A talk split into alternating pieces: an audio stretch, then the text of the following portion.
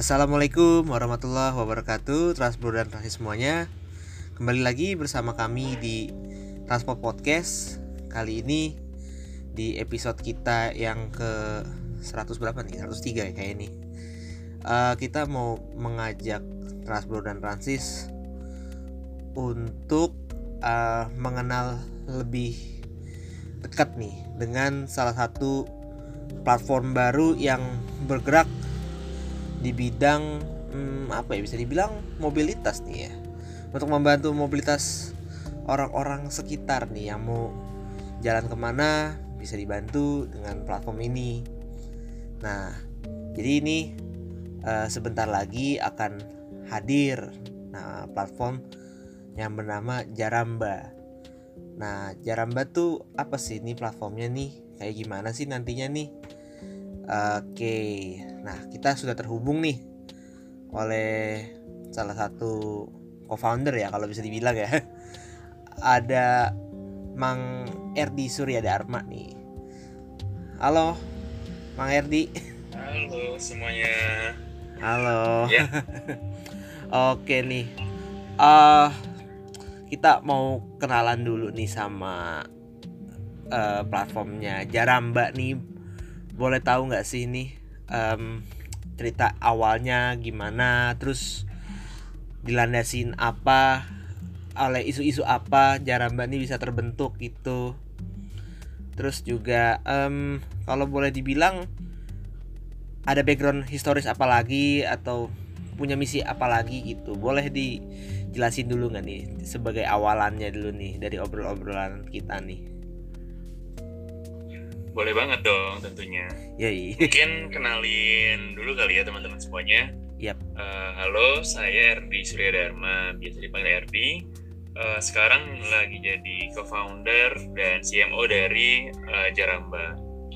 Ya benar banget tadi udah dikasih teaser dikit kali ya uh, tentang Jaramba. Memang menarik sih uh, apa namanya eksplorasi ide Jaramba ini jadi kebetulan saya sendiri eh, nggak uh, ada uh, background uh, transportasi mungkin ya. Oh ya. Sejauh ini. Betul betul. Background saya justru dari tech startup gitu, dari uh, produk gitu ya, mungkin tim, tim produk kali ya istilahnya. Jadi mm-hmm. selama beberapa tahun tahun terakhir ini uh, banyak ngulik uh, berbagai macam produk teknologi gitu, mulai dari uh, tadinya awalnya ada uh, video games terus aplikasi berbasis web terus juga um, augmented reality virtual reality dan lain sebagainya. Nggak nggak ada sangkut pautnya sama transportasi sebenarnya. Wow, baru nah, terjun terus, nih berarti ya baru terjun. Benar benar benar banget. Jujur sih jujur nih nggak nggak ada sama sekali sebelumnya. Nah terus yang menarik adalah uh, di sekitar awal tahun ya kalau nggak salah ya awal tahun 2021 ini tuh saya ngobrol lagi bareng sama uh, teman saya Aso. Oh, emang Aso ya. Rewa. Betul. Iya. Aso betul. Ngobrol-ngobrol, catch up, terus akhirnya ternyata dia selama ini tuh ada satu ideation, satu produk idea jarang mbak ini gitu. Dia cerita uh, kemarin itu uh, lagi eksplorasi satu transport tech startup keywordnya tuh kemarin itu oh apa nih? gitu kan. Uh, awalnya tertarik banget terus kayak tapi mikir apa ya? Nggak pernah pikir soalnya kan transport itu terus diceritain lah. Jadi memang idenya sendiri itu udah ada dari tahun 2019 kok jarang banget sekarang cuman memang uh, masih diendapkan gitu belum dieksekusi. Yeah. Iya. uh, terus udah gitu akhirnya pas kemarin ngobrol sama Aso di awal tahun terus aku ngajak lagi uh, temanku juga uh, yang sekarang jadi co-founder juga dan uh, CTO ada Rama jadi menariknya gini kita awalnya berpikir Jaramba ini memang sebuah mobility as a service platform gitu ya, mass platform. MS, iya. Gitu kan, keywordnya gitu. Karena berkaca di di negara-negara maju tuh kayak di Amerika, di Eropa tuh London. udah jadi hal yang biasa ya sebenarnya. Yeah, jadi bener. apa ya, tools tools basic lah buat uh, traveler gitu atau orang yang, yang bepergian. Mm -hmm.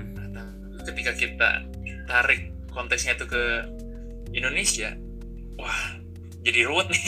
Gitu jadi ruwet banget karena karena ya banyak banyak isu kan sebenarnya di, di di transportasi ini gitu. Itu yang aku sampaikan ke yang pertama kayak so ribet juga ya ternyata gitu. Dikirain cool gitu ya tapi ternyata ribet gitu.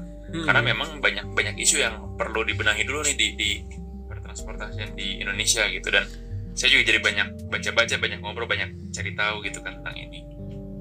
Nah dari situ eksplorasi kita gali kita kita sempat develop uh, awal tuh sama uh, sama Rama gitu ya kita bikin MVP uh, MVP ini semacam apa ya prototype mungkin istilahnya gitu ya oke okay, uh.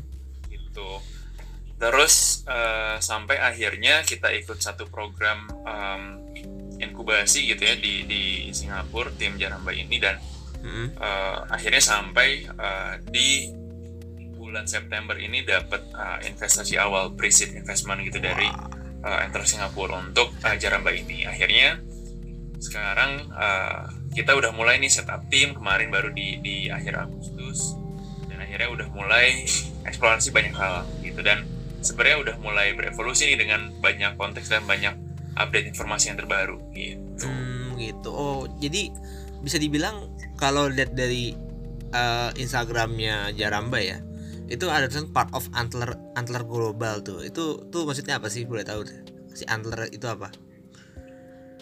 Ya jadi antler ini tuh uh, satu venture capital uh, global gitu ya. Sedunia hmm. dia ada beberapa cabang di beberapa kota di dunia.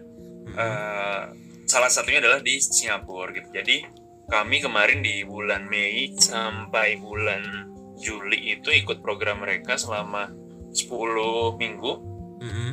untuk mengideasi menajamkan lagi uh, gagasan Jaramba hingga akhirnya di akhir program itu kami uh, pitching gitu ya untuk bisa dapat investment awal tadi gitu dan alhamdulillahnya kemarin berhasil uh, dan akhirnya sekarang uh, kami masuk ke networknya Antler ini sebagai salah satu portofolio mereka oh. gitu dan kita bareng-bareng uh, akhirnya mereka support juga karena menarik juga sih nih uh, alasan-alasan uh, kenapa mereka tertarik dengan Jaramba karena memang uh, misinya Jaramba salah satunya adalah tadi uh, untuk menyediakan layanan mas memang mas gitu ya tapi konteksnya untuk developing countries.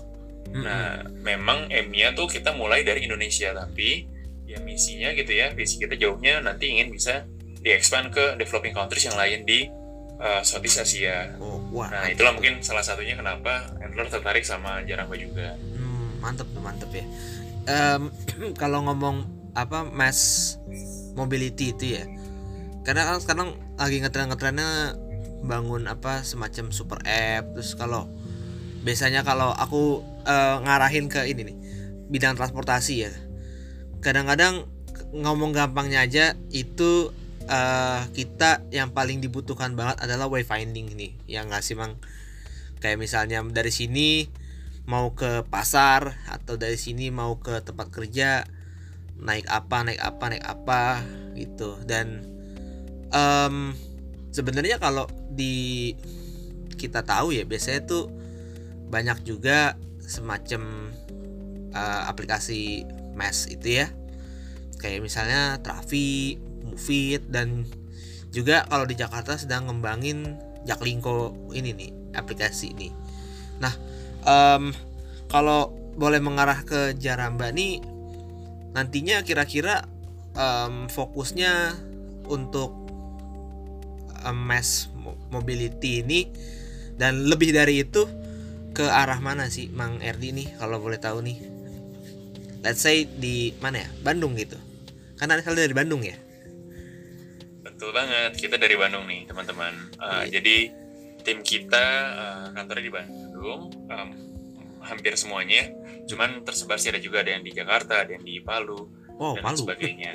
Ada ada satu desainer kita. Nah cuman ternyata isunya mirip sih. Gitu. Nah menarik nih uh, apa arah ke depannya mungkin dari Jaramba dan mungkin uh, diferensiasinya. Kita pun jujur kita masih mengeksplor. Mm-hmm. dan sebenarnya kita baru akan uh, insya Allah akan merilis beta version kita itu diuji cobakan di uh, Oktober ini oh. di Bandung gitu. Hmm, okay. Kita kerja lagi ongoing uh, diskusi pembicaraan untuk uh, kerjasama dengan salah satu koperasi uh, angkot di Bandung untuk menguji cobakan Jaramba. Nah, jadi memang betul uh, banyak uh, mas platform yang sejenis gitu yang ada yang sudah ada beroperasi di Indonesia. Nah, memang kita sedang mengulik sih sebenarnya Kal. Mengulik uh, approach mungkin secara user experience gitu ya secara Oh, iya. UX yang menarik dari segi penggunanya justru. Makanya kita banyak ngelakuin riset ke pengguna nih. Itu kira-kira sebenarnya gimana sih cara yang paling menarik banyak eh bagaimana cara yang paling tepat supaya orang-orang itu mau pakai si aplikasi ini setiap harinya gitu? Gimana sih cara mereka mau mengeksplor misalkan tempat-tempat di eh, di kotanya atau ketika dia bepergian ke kota lain gitu. Betul. Dengan menggunakan aplikasi ini terutama misalnya Jaramba gitu. Nah karena itu keywordnya explore gitu eksplorasi. Karena ya Jaramba sendiri kan kita kalau ditarik sedikit sejarahnya ngambil keyword Jaramba kan dari Jarambah ya. Ha-ha. Jarambah itu uh, bahasa Sunda. Uh, artinya uh, ke mana-mana nih. Uh, exploring menjerambah gitu ya. gitu. Jarambah ngajarambah Ha-ha. gitu nah makanya jadi Jarambah. Nah makanya semangatnya juga pengennya gitu sih. Di mana Jarambah ini jadi um, teman kamu untuk bepergian gitu, iya asik nih gitu. Iya. Em, berarti sudah mulai ada ini ya, pilot project ya nantinya di Oktober ini. Iya, ini boleh ngasih teaser nggak sih di sini? Boleh dong, boleh, boleh, boleh dong. Sekalian promote-promote. iya, iya nih teman-teman. Ya, tapi ini belum closing kan ya? Belum, Masih oh. tengah kan? Masih lama, masih Iya, panjang nah. kita mah. Nah iya, jadi kita lagi lagi merancang nih teman-teman eh, satu program sih, Iya. Eh, namanya Jarambah Week. Nah, gitu. Kita Wah, pengen eh, ngasih sat- bikin satu event selama seminggu nih, itu nanti di Bandung. Teman-teman bisa mencoba Jaramba gitu yang bekerja sama dengan sa- satu atau lebih eh, trayek angkot Mau selama satu minggu penuh gitu. Sekalian kita rilis si beta version tadi, kita minta pendapat teman-teman, kita lihat nih apa yang di dimimpikan sama teman-teman Jaramba ini tuh benar works atau enggak sih? Kita validasi itu. Nah, tapi kita pengen uh, bungkus Jaramba Week ini sebagai movement sebenarnya.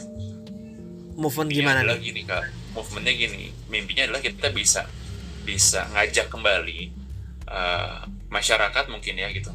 Spesifiknya sih mungkin kita pengennya ngajak mulai dari teman-teman di umur SMA, Iya. perkuliahan sampai yang uh, fresh grad mungkin ya baru mulai berkarir gitu ya, untuk bisa uh, kembali lagi berangkot ria gitu. Asik iya sih. Jadi, uh, jadi gini sih, ini mungkin aku ngomongin konteksnya di Bandung gitu ya, karena yang relate dan kita cukup banyak interaksi di beberapa uh, bulan terakhir ini. Mm-mm. Jadi uh, kemarin tuh sempet tuh Aso cerita, uh, dia kemarin sempat keliling-keliling uh, di berapa trayek ya kemarin ya, nyobain beberapa jalur lah gitu ya, gitu dan ngobrol sama supir angkotnya. Casual nggak nggak bilang "Eh, permisi pak, kita mau interview nggak gitu, ngobrol Iya. aja casual. Iya iya. Uh, dan bener um, supir angkotnya kemarin curhat lah gitu curhat cerita banyak jadi uh, kalau nggak salah itu secara jumlah gitu ya uh, jumlah angkot sekarang di Bandung itu udah sekitar 30% dari jumlah awal Wow. yang ada itu sebelum pandemi gitu jadi Kurang. ya aku nggak tahu ini angkanya bener atau nggak tapi kok nggak salah segitu intinya jadi sebelum pandemi pun kan sudah di apa ya sudah di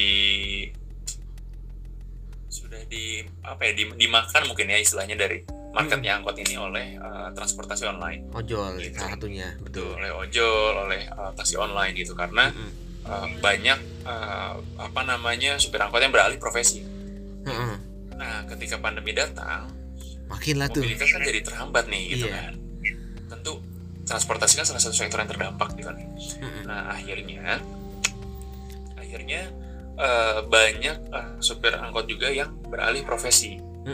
Tadi selain jadi eh, apa namanya eh, driver ojol atau taksi online kalau yang memang dia tidak tech savvy gitu ya yang waktu itu eh, udah cukup eh, lanjut usia lah bapaknya udah supir angkotnya ini. Aduh yang saya mah nggak ngerti pakai eh, aplikasi-aplikasi gitu jadi problemnya itu itu gitu. Bahwa ya mungkin sekarang masih berfungsi sebagai supir angkot ini dia nggak nggak punya pilihan untuk berpindah gitu. Mm-mm. Eh, satu itu. Dua eh, eh, gini. Gimana gimana? itu akses akses untuk ke device-nya aja tuh nggak ada gitu. Boro-boro kepikiran untuk beli HP gitu kan. Ya, Iya. untuk pendapatan sehari-hari pun ya foto lah kasarnya dan akhirnya eh, apalagi terus yang tadinya mungkin selama sebelum pandemi itu ada anak-anak sekolah Mm-mm. ketika school from home ya hilang kan?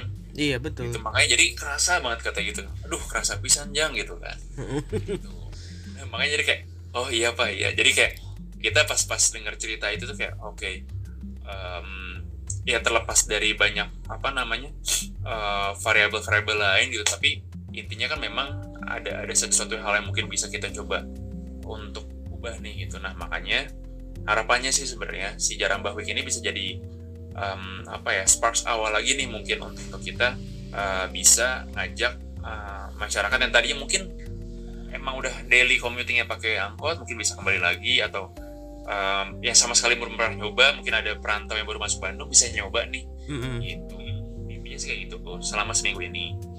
Nah nantinya jadi uh, Jaramba dan para uh, koperasi di eh saat, dengan satu koperasi supir angkot ini akan bekerja sama dan kita lagi ongoing discussion nih. Kita harapan kami sih dari Jaramba uh, supir angkot ini bisa memenuhi beberapa standar minimum. Standar pelayanan minimum minimum. Kayak gimana itu kalau boleh tahu?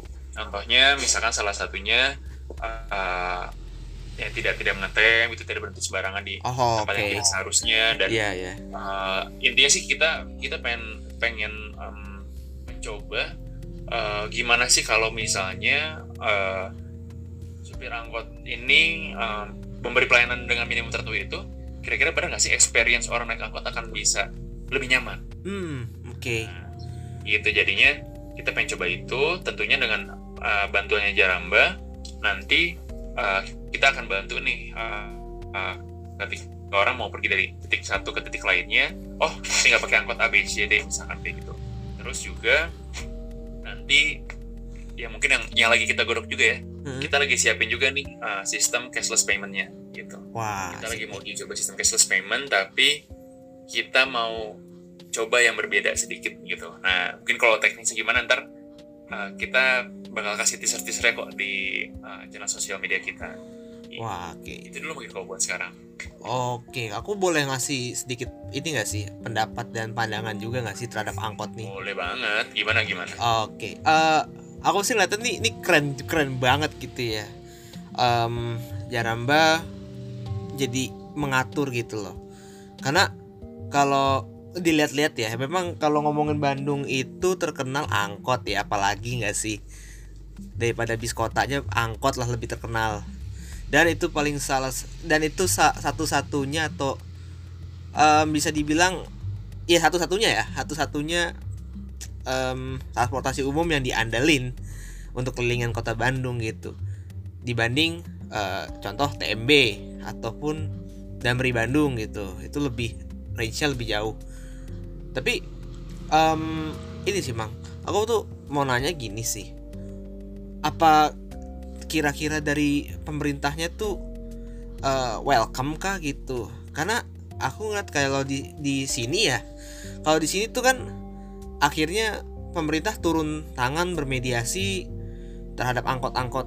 Contoh di Jakarta gitu ya akhirnya diberikan uh, pilihan mau digaji uh, tetap atau tetap tetap mau pakai cara lama yaitu ngetem nunggu setoran segala macem gitu.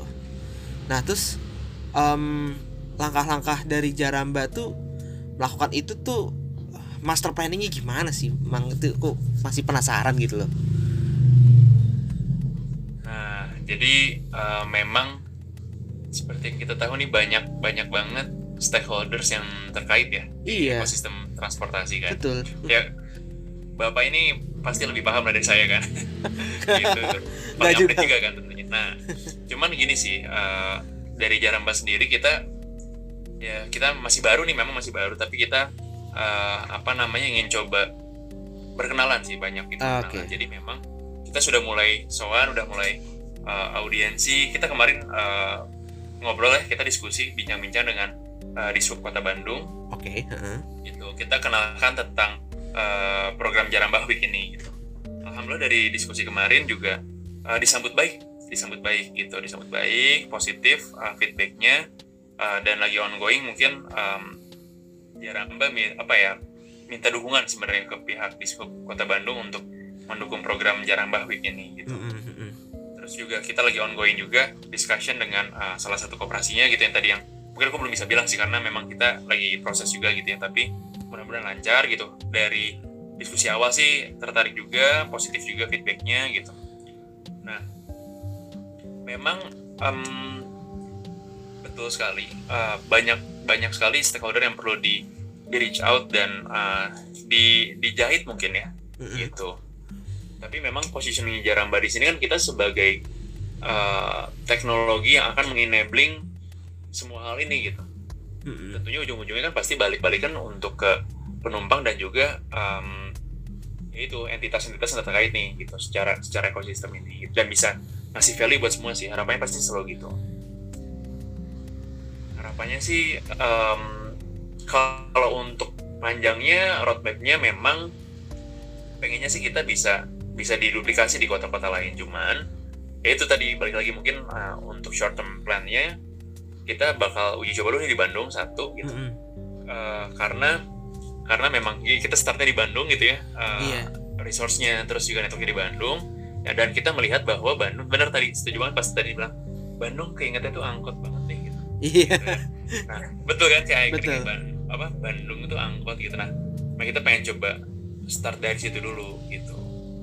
Dulu nanti mungkin bisa expand ke kota-kota lainnya. Dan sebenarnya kan berarti yang lagi dicoba kan sebenarnya uh, jalur apa ya untuk connecting dari titik ke titik lainnya. Nah nanti Jaramba juga akan me, apa ya memprovide kebutuhan-kebutuhan di ujung titiknya nih di destinasinya gitu. Nah cuman ke, ke depannya gimana kita tetap pasti balik lagi karena hmm, aimnya jarang dari awal tuh adalah untuk bisa improving user experience salah satunya. Jadi tentu kita bakal banyak validasi hal-hal ini sih bener gak sih? Bener gak sih? Masih relevan gak sih hal-hal kayak gini? Bener bener. gitu, kira-kira uh, iya sih. Uh, memang kalau ngomong angkot lagi ya di Bandung itu tuh uh, kalau di Jakarta angkot itu sebagai pengumpan. Istilahnya kalau bahasa anak-anak transportasi itu first mile and last mile gitu ya. Terus kalau di Bandung nih ya memang ke satu tujuan ya yang ada angkot doang gitu. Nggak harus nyambung bis atau apa di reach dengan angkot aja udah nyampe gitu. Dan mungkin ya uh, bagi orang-orang penjelajah yang mau menjelajahin kotanya traveling dan segala macem gitu aku setuju sih dengan konsepnya Jaramba dan misi Jaramba tuh mengenalkan kembali angkot sebagai transportasi yang bisa diandelin dan ramah gitu loh. Ramah dalam arti ya ya jangan ngomong inilah uh, dilihat di sinetron preman pensiun lah janganlah gitu. Karena kita nih juga mau berubah gitu loh. Mosok di Jakarta aja bisa berubah gitu. Angkotnya jadi lebih rapi dan lebih humanis. Di Bandung enggak gitu. Dan pastinya kan ada hmm, semacam apa ya perintilan-perintilan yang harus di lengkapi agar terciptanya si produk itu lebih baik gitu sih.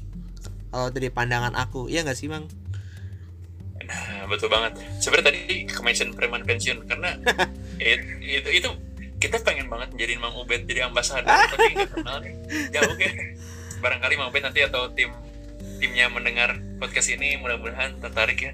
Iya. buat dukung gerakannya gitu. Um, karena memang ya itu settingnya kan ya itu contohnya yang ambil dari dari segi film aja gitu kan diambil settingnya di angkot uh -uh. gitu kan. Cuman uh, ya itu Bandung sinari Bandung gitu-gitu. Jadi emang relate banget kan sebenarnya. Oh. atau enggak ini apa brand ambassadornya Mang Saeb ah apa? Bener-bener aduh. Ketahuan nih nontonnya dari episode 1 ya? Iya dong. Akademi Bandung Copet ABC terminal Cahem ya, ledeng segala macam itu. Ya memang ya itu sih yang diandelin di di Bandung dan menurut aku start Jaramba di Bandung tuh kayak wah langsung disuguhin dengan masalah yang banyak gitu loh. Kalau ngomong start di Jakarta nah Jakarta udah banyak lah gitu. Kepentingannya banyak terus juga yang turun tangan banyak gitu. Dan ya di sini istilahnya udah sedang ditata gitu loh sedang ditata. Dan kalau ngomongin nggak usah jauh-jauh lah. Uh, Bogor gitu. Ya itu juga juga sama mirip-mirip lah dengan Bandung tapi kan Bandung nih metropolitan gitu loh dan lebih besar daripada Bogor. Ya gitulah angkotnya mah kalau bisa dibilang gitu.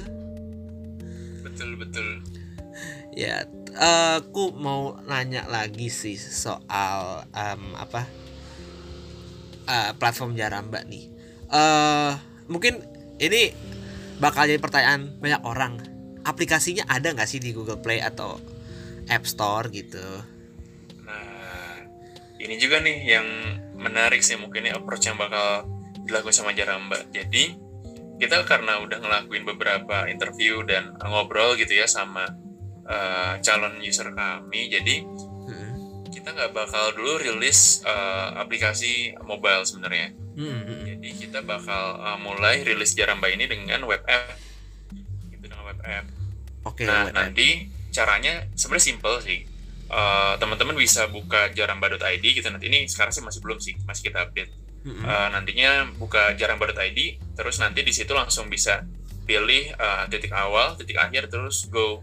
Nanti bakal langsung masuk ke aplikasi jarambanya. Bakal di show eh, jalurnya apa opsi rute eh, yang bisa dipilih apa estimasi biayanya berapa. Waktunya berapa Nah, nanti- Nah, gitu ya? betul. Nanti eh, once sudah naik udah jalan.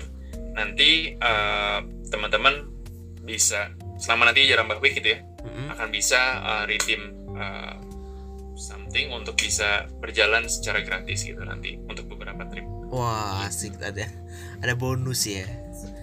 Ada bonus. Kita pengen coba ngulik nih Kalau- misalkan kita ada misi-misi gitu ya Hmm, hmm. selama berjalan ini apakah menarik nih buat teman-teman? Hmm, makanya kita coba dulu nih nanti Oke, Em, aku pernah nyoba sih ya eh buka webnya Jaramba gitu kan bentuknya ya semacam aplikasi gitu dan ada tulisan check in gitu. Misalnya check in di apa tuh ada berapa supermarket di Bandung gitu, ada di Kopo, ada di mana yang aku ingat seperti itu. Nah itu aku yang masih penasaran sih gini sih. Eh ketika misalnya kita check in nih eh, dari dari misalnya dari rumah mau ke supermarket sesuatu gitu ya. Itu kan berarti kan kita dikasih wayfinding gitu. Dikasih wayfinding eh, naik rute angkot apa atau bisa naik bis apa. Terus juga em, estimasi biayanya yang harus dikeluarkan berapa. Karena kan di sana belum belum itulah ya belum diaplikasikan cashless yang sepenuhnya kayak di Jakarta gitulah ya belum ada kartu-kartuan ya masih menggunakan cash. Nah terus juga em, waktu estimasi waktu perjalanan kira-kira berapa gitu itu kan wayfindingnya eh di di dibesarkan lah gitu. Nah memang sebenarnya em, kalau kita lihat-lihat dulu juga ya kayak misalnya Google Maps kita direction juga kan ada pilihan mau naik ini mau naik mau naik bis atau naik pribadi seperti motor em, mobil terus angkutan-angkutan lain dia kan selalu ngasih rute gitu ya. Tapi kan eh, mungkin dari pandangan eh, seorang web designer gitu ya yaitu adalah user interface ataupun user experience gitu UI dan UX gitu. Nah eh, menurut Mang Erdi ini memanfaatkan itu tuh eh, gimana sih supaya mendapatkan daya tarik dari pengguna app ini gitu Nah, sebelumnya saya mau meluruskan satu hal dulu nih kak. Ah, Jadi yang tadi eh, kamu ceritain itu, Hmm? yang itu namanya fiturnya jarang bacek. oh jarang Nah, becek oh itu jarang becek Iya. Nah, Ini iya, iya. lucu juga sih sebenarnya eh, lucu nggak lucu sih. Jadi sebenarnya jarang bacek ini tuh kita rilis, kita develop itu di bulan Juli minggu-minggu awal kalau nggak salah ya. oke oke Gitu. Karena di saat itu tuh tadinya jarang batu udah mau rilis di bulan Juli, bukan di Bandung sebenarnya. Dan Ah, bentuknya itu nggak seperti tadi aku ceritain. oh gitu jadi lebih ke arah kita mau pilot justru di eh, apa namanya di Kabupaten Kuningan untuk oh kuningan tourism oh sebenarnya kuningan gitu. iya iya iya Cuman ketika ppkm datang Mm-mm. ya nggak bisa nih kan gitu. itu Eh, destinasi wisata ditutup, jadinya kita nggak bisa eh, merilis waktu itu tuh dan akhirnya di tengah itu kita kan nggak mungkin ya eh, diam aja menyerah gitu kan menunggu situasi. Nah kita cari tahu nih kita coba eh, ngobrol-ngobrol cari masalah lagi gitu. Heeh. Eh, cari masalah. Ya bentukan cari masalah sih gitu kan.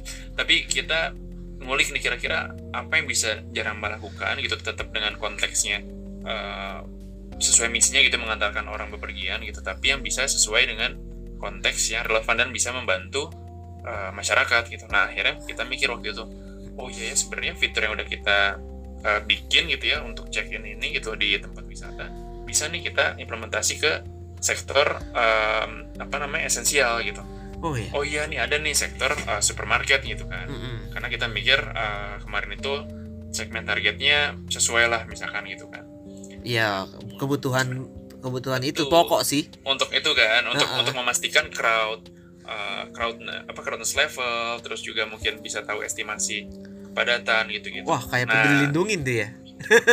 Nah bentar dulu. Nah kita rilis hari Selasa apa yang salah. Kita coba nih di Bandung kan beberapa langsung dapat feedback kan dari kita rilis di sekitar teman-teman.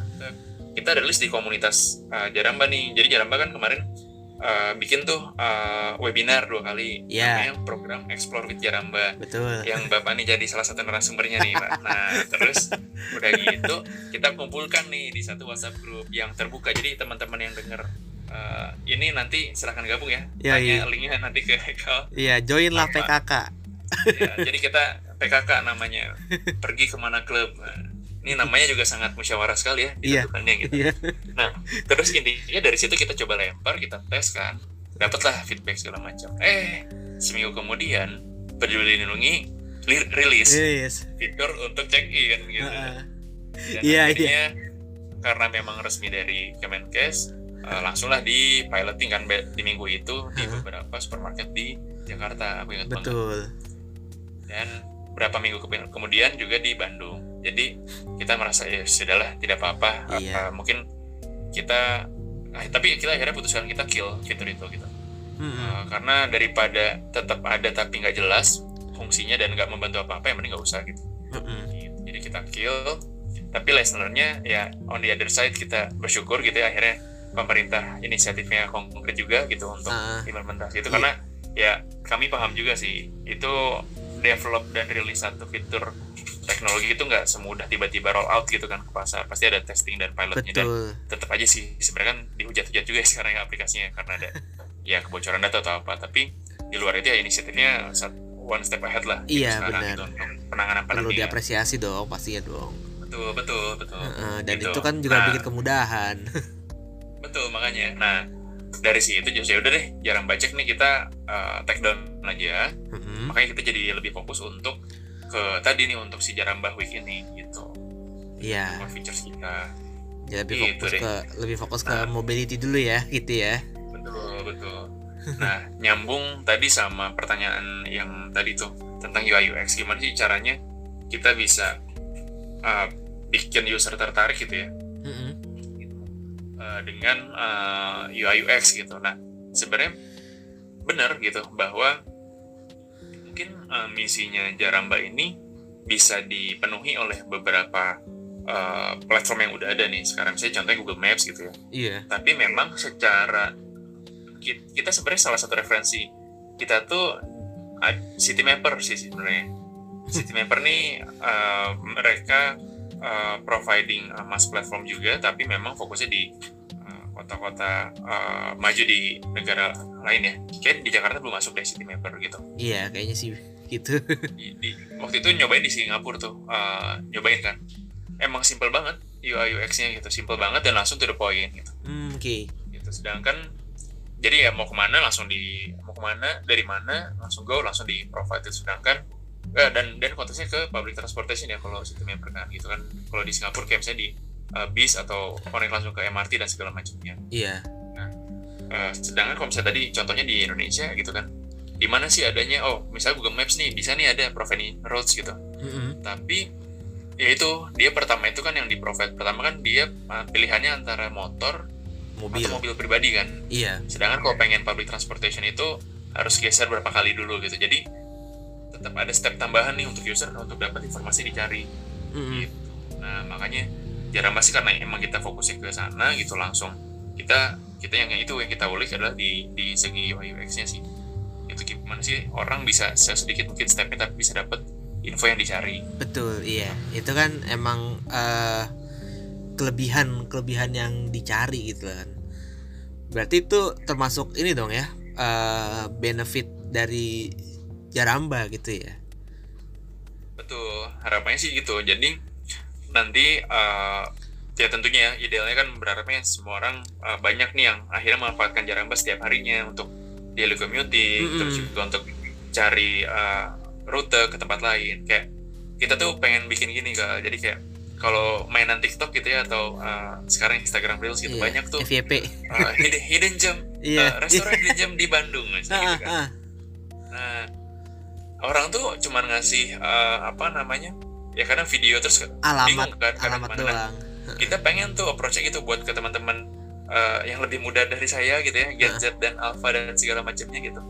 Untuk tadi mengenal tadi uh, ada angkos segala macam tapi memang dengan pendekatan yang, yang lebih sesuai gitu ya misalnya tadi misalnya kayak kita bisa gimana sih kita approach hidden gem restoran di pojok jalan ini gitu oh mm-hmm. bisa lo ternyata pakai angkot oh bisa lo pakai apa mm-hmm. kita pengen kayak gitu sih approachnya salah satunya nanti bener-bener gitu. itu juga jadi ini juga sih bahan inspirasi kita juga sih di transport sih. Kayak uh, ngeliat-ngeliat kayak sebenarnya sih juga sempet ya mau bikin gitu. Cuman ya terha suka terlalu waktu.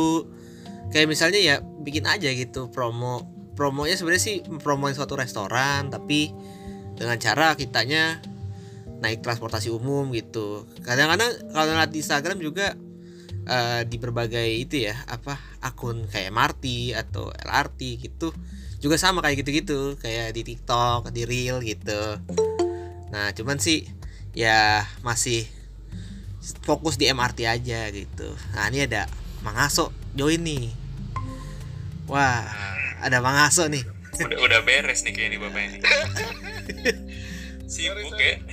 Bukan, bukan sibuk. Saya mau mengakui dosa dulu. Jadi tadi saya ketiduran, terus pas saya kebangun, yang saya ingat duluan adalah anjir harus mentoring. Ya udah saya buka, langsung buka mentoring dulu, terus saya jadi lupa ada podcast maaf banget. gak apa-apa, gak apa-apa. Nah, ini ada... Bapak jujur ya, tidak mencari-cari alasan. nah, ini ada Mang Aso nih, Anugerah Nurewa. Kembali lagi di podcastnya Taspot. Apa kabar ganti, nih? Ganti topi nih sekarang nih, ganti topi.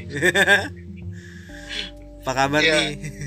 Baik, baik. Sekarang kita membahas masa kini dan masa depan. Kalau sebelumnya kita membahas masa lalu ya. Masa lalu. ya, semoga aja kayak masa lalu juga lah. Aduh, kemarin katanya ini nih Mang Aso nih, apa jalan-jalan naik angkot? Uh, iya, lumayan. nge-review.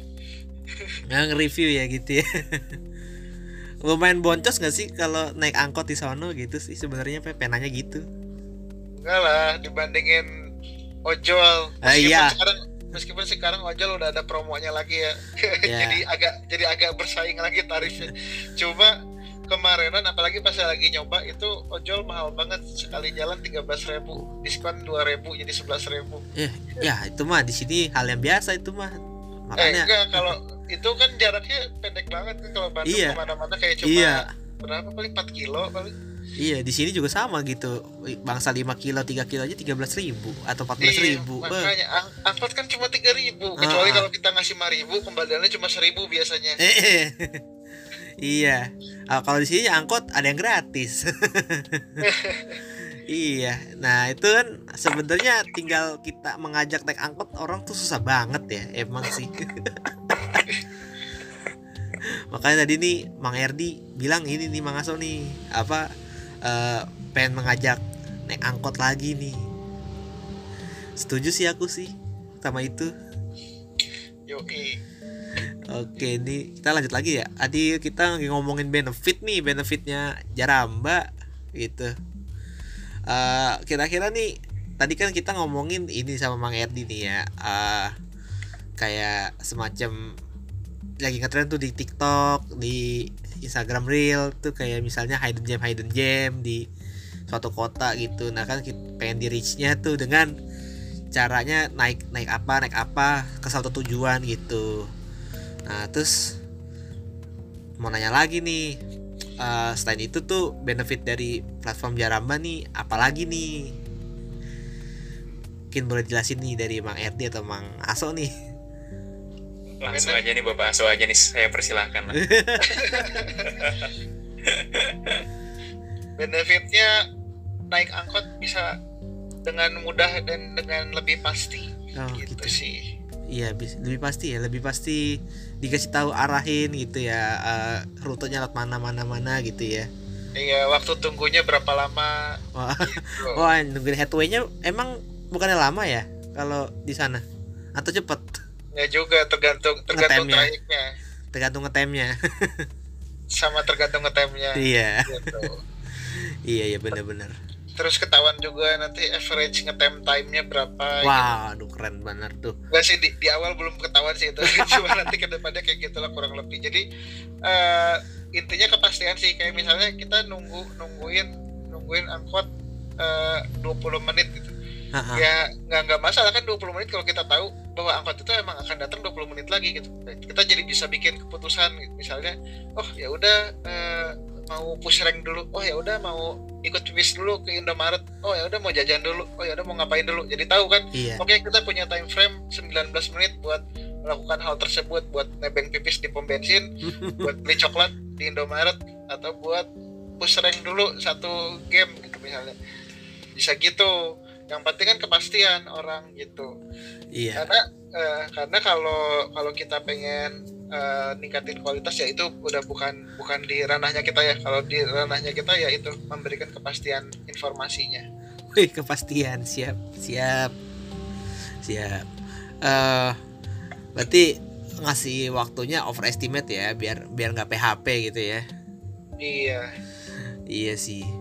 Dengan Ah. begitu kan orang bisa tetap produktif. Orang kan bisa produktif itu nggak mesti harus segalanya cepat, tapi yang pasti kan segalanya harus terpantau aja gitu. Kayak ya kayak case tadi gitu misalnya eh, angkotnya datangnya 20 menit lagi ya berarti mungkin bisa baca buku dulu 4 halaman gitu atau ngapain gitu gitu Iya, iya bener bener bener. atau oh kayaknya 20 menit cukup deh buat buka laptop dulu gitu Iya. Tapi tergantung nunggunya juga di mana gitu. Kalau di pinggir jalan nggak ada apa-apaan juga ya kasihan dong mang. Iya. Iya, aktivitas yang lain berarti cari Indomaret terdekat misalnya. Taunya. Indomaretnya nggak lewatin nggak dilewati itu angkot ya salah salah. Oh enggak, kalau kalau di Ada satu sini hal yang bisa dilakukan pak. Kalau di Bandung pak, menikmati pemandangan pak. Is. iya. Toh kalaupun kalau di Bandung itu kan kalaupun lagi summer gitu eh summer kalaupun lagi kemarau gitu tetap aja anginnya dingin. Nah, itu Heeh. enaknya Bandung. Matahari boleh terik tapi angin tetap dingin kalau di sini. Iya. Jadi enggak ya enggak bete-bete amat lah gitu. Benar-benar sih. Iya, tadi juga kita ngomong-ngomongin Jarambah Week ya kan. Terus eh apalagi tadi kita ya ngomong-ngomongin itulah ngalor ngidul soal eh, angkot-angkot lah nih arahnya emang ke angkot nih. Kemarin kalau ngomongin Mang Aso, kemarin arahnya ke sepeda, sekarang ke angkot. Ntar besok kayaknya ke bis nih kayaknya nih. Gede juga nih. Besar Iya, tekad ya kayaknya. Ada ini kita, tadi belum mention mention terkait peta-peta nih. Oh iya Di- peta-peta. Dikasih teaser jangan nih. Oh Gimana iya, tuh? kasih lah. Kasih kasih deh, kasih deh. Gimana tuh teasernya tuh? Soal peta. Iya, jadi- sebagai salah satu rangkaian dari Jaramba Week gitu ya. Hmm? Sebagai hadiah dari Jaramba untuk warga Bandung mungkin sementara ini gitu ya. Iya. Kita lagi nyiapin satu uh, peta sih. Peta apa itu so? Peta angkot. Peta angkot ya. Wah, Iya. mantep tuh. Kenapa peta angkot itu selama ini non eksisten? Nah, karena angkot ribet banget. Kebanyakan rutenya. Iya, nah itu yang nanti akan kita coba solusikan. Mudah-mudahan nggak nggak seriwuh yang udah-udah ya. Kita akan berusaha. Oh, sih, siap. Bisa collab tuh sama FDTB tuh bikin maps. Siap. FDTB juga eh, baru bikinnya ini kan yang TMB. Nah, nanti kita TMB. akan melengkapi juga. Iya, Kita rame ramaikan lah ramaikan dunia Ah. persilatan perangkotan ini. perkhidmatan transportasi Bandung gitu ya. Iya. Oke nih, em, kita tadi udah ngomong-ngomong banyak juga sih aduh mang aso kelewatan banyak sih maaf maaf kita tadi fokusnya uh, hampir rata-rata ke arah ngomongin webnya gitu ngomongin uh, di apa webnya Jaramba gitu ya. Aku juga pernah nyoba-nyoba sih. Tapi kan di Jakarta nggak nggak nyambung jadinya. Oke kalau menurut nih Mang Erdi dan Mang Aso gitu ya ngeliat kayak sekarang nih kan masih pandemi juga nih ya. Terus tadi soal mobilitas Mang Aso ya selalu ganti-ganti Gojek lah ataupun angkot lah gitu tergantung harga. Ya tau lah gimana pandemi sama ekonomi gitulah ya. Nah tuh kalau menurut ini nih Mang Erdi dan Mang Aso nih sebagai co-foundernya Jaramba gitu ya. Ini kalau ngeliat mobilitas transportasi perkotaan khususnya di Bandung gitulah ya. Tuh ke depannya Jaramba bisa ngebantu apalagi sih gitu? Kira-kira punya harapan apa gitu punya harapan uh, semua orang berkurang ketergantungannya terhadap penggunaan kendaraan pribadi gitu. Nah, bisa kayak bisa bisa lebih supaya bisa lebih uh, apa ya lebih livable lah kotanya lebih sehat lebih nyaman. Wis. Kalau dari Mang Erdi gimana Mang Erdi? Itu shared vision kami kok eh, emang itu sih uh, apa namanya uh, target target jauhnya mungkin tadi kan ditanya tuh di awal-awal kayak uh-uh. visinya apa sih bikin sejarah mbak ini dengan historis. Yeah. historisnya tapi ke depannya seperti apa? Pengennya gitu sih mungkin ya. Seperti apa yang dibilang Aso tadi. Oh iya nih aku mau nanya ke Bang Aso tadi lu sempat lupa. Ini kira-kira Jaramba akan terintegrate nggak nih sama sepeda-sepeda itu sama Bose maksudnya? Ah iya sama Bose atau sama apa gitulah uh, eh, TMB nanti ke depannya gitu. Kalau sama TMB pastilah. Wah ya harus ya? wajib itu. Sama Damri nggak mau? Mau lah maksudnya ya kita siapa pedang mau oh, ya, iya yang dong. visible untuk diintegrasikan pasti kita integrasikan. Karena ya kita maunya sebanyak banyak ya. Iya. Uh, moda semua moda. Ya termasuk Bose sekalipun wah mantep tuh. Wih berarti first mile last mile nya bisa bisa ini nih bisa dikontrol nih ya. Ya ini ngomongin harapan kan? Ya kalau ke depannya kayak gitu. Cuma iya. kalau sekarang ya angkot dulu angkot lah, dulu ya.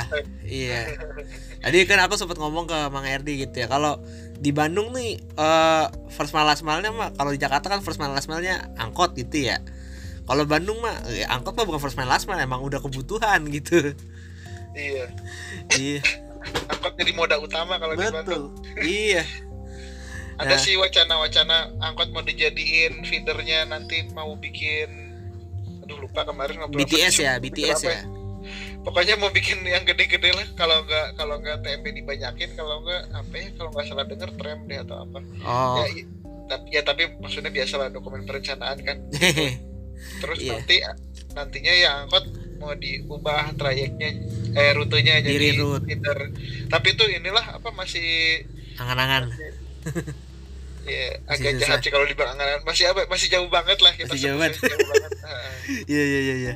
Eh emang sih uh, denger rencana ya 2023 atau apa ya gitu. Pokoknya tahun depan atau 2023 gitu.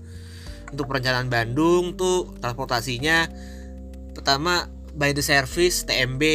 Jadi TMB uh, eh, istilahnya ini sih apa dikelola sama Kemenhub gitu by the service. Nah, TMB bukan emang udah by the service? Kan ciri-cirinya by the service supirnya digaji. Eh, uh, nggak tahu tuh pokoknya pokoknya dari dari itu teman bus saja, dari dari inisiasi teman bus TM, TMB itu jadi part of teman bus. Jadi ini apa Kemenhub kayaknya yang megang langsung gitu loh.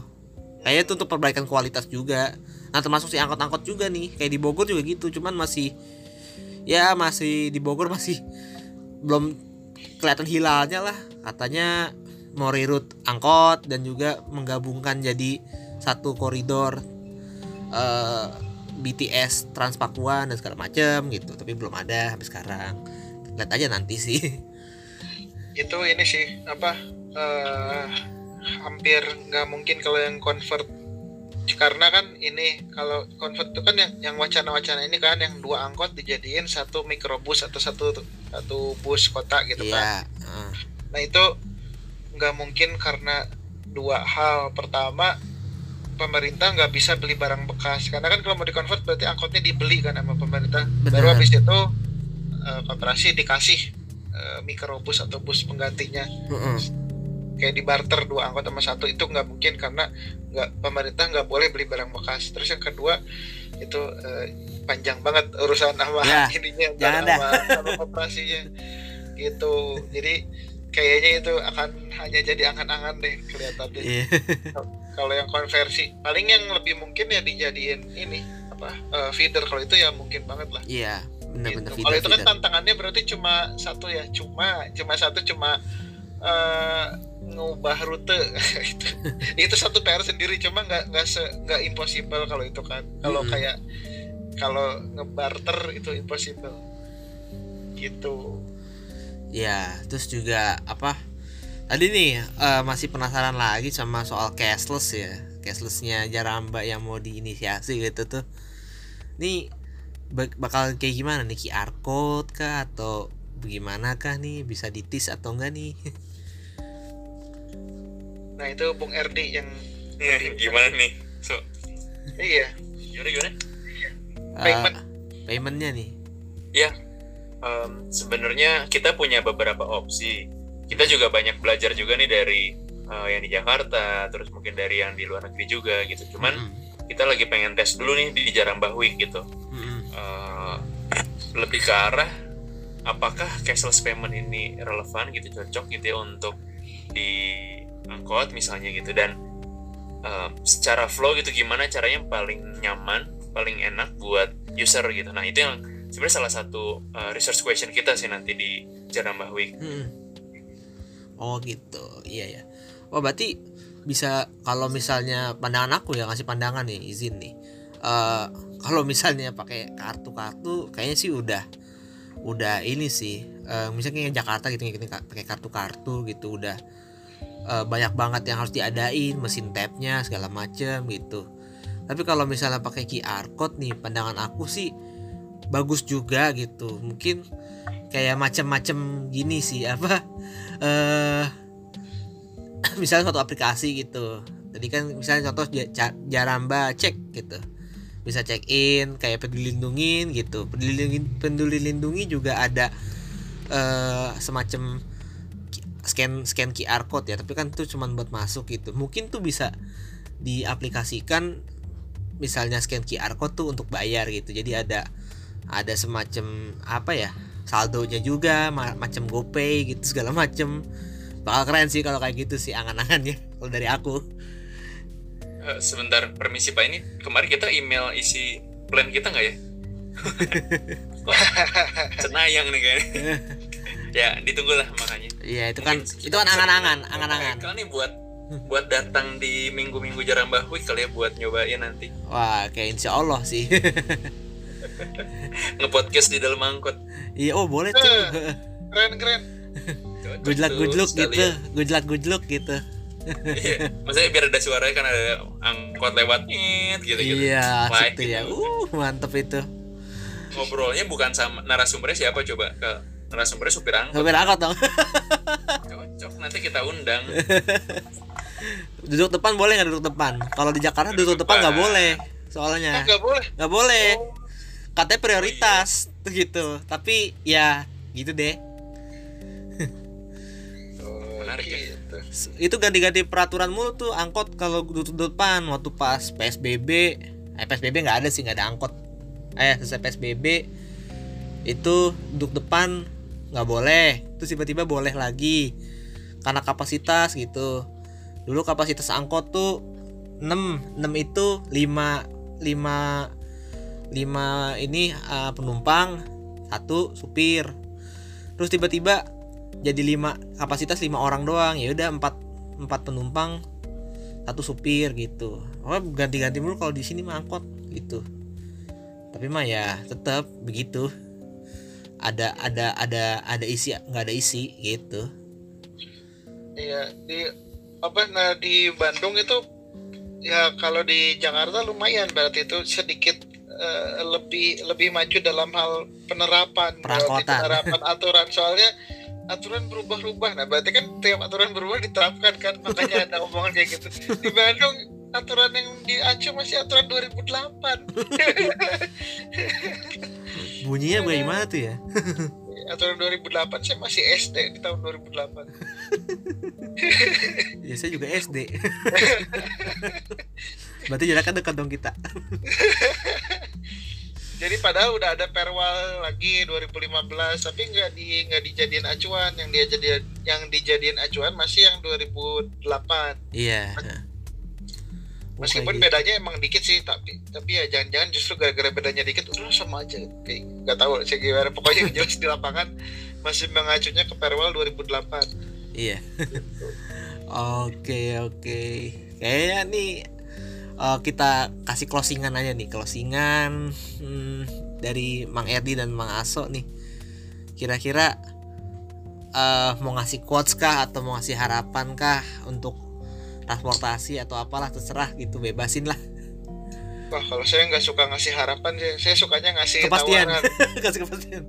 Mari jadi relawan Jarambah Week. Oke. Yuk join yuk ya yuk join yuk. Link di bio. Kalau dari Mang Erdi gimana nih? Sebenarnya itu kalimat saya emang sama Bapak Asun emang aduh nggak apa-apa lah. Biar semakin diingat mungkin saya ulang lagi ya teman-teman. Hmm. Eh, seperti yang tadi diceritain gitu ya di awal-awal bahwa Jaramba bikin Jaramba ini pengennya jadi gerakan gitu jadi movement bareng-bareng kita juga banyak nih ngajak eh, beberapa tempat di Bandung juga eh, teman-teman buat gabung di Jaramba Week gitu nanti ya. Dan eh, mungkin di sini mau mengundang pendengar dari transport untuk eh, join gitu kalau ada yang di Bandung gitu ya di tanggal 17 sampai 24 Oktober. Gitu dan bersedia ingin jadi relawan nanti teman-teman akan bantu eh, proses eh, riset yang akan kita lakukan juga nih selama seminggu nanti gitu. Wih, siap Nanti infonya tolong eh, dipantau saja di sosial medianya Jaramba. Di Instagramnya aja mungkin paling gampang gitu ya di @jaramba.id. Mm-mm. Ya, kita juga lagi upcoming bikin TikTok nanti dicek aja dipantau. Pokoknya siap kita update semua deh. siap mantap oke semangat terus untuk Jaramba kita bantu promote juga lah pokoknya Siap. Oke. Episode berikutnya bisa ya nanti ya kita atur ya. siap deh live, food from angkot. iya gujlek gujlek deh enak banget tuh tapi masih kalah nggak kalah sama Kopaja di sini harus coba kalau ke Jakarta naik wah udah pernah naik trotoar dia naik truk pasir tuh harus naik truk pasir tuh harus coba tuh Oke, kita closing. Makasih banget nih Mang Erdi dan Mang Aso dari Jaramba atas eh, pemaparannya. Oke, sekian dulu Transport dan Transis podcast episode podcast kami.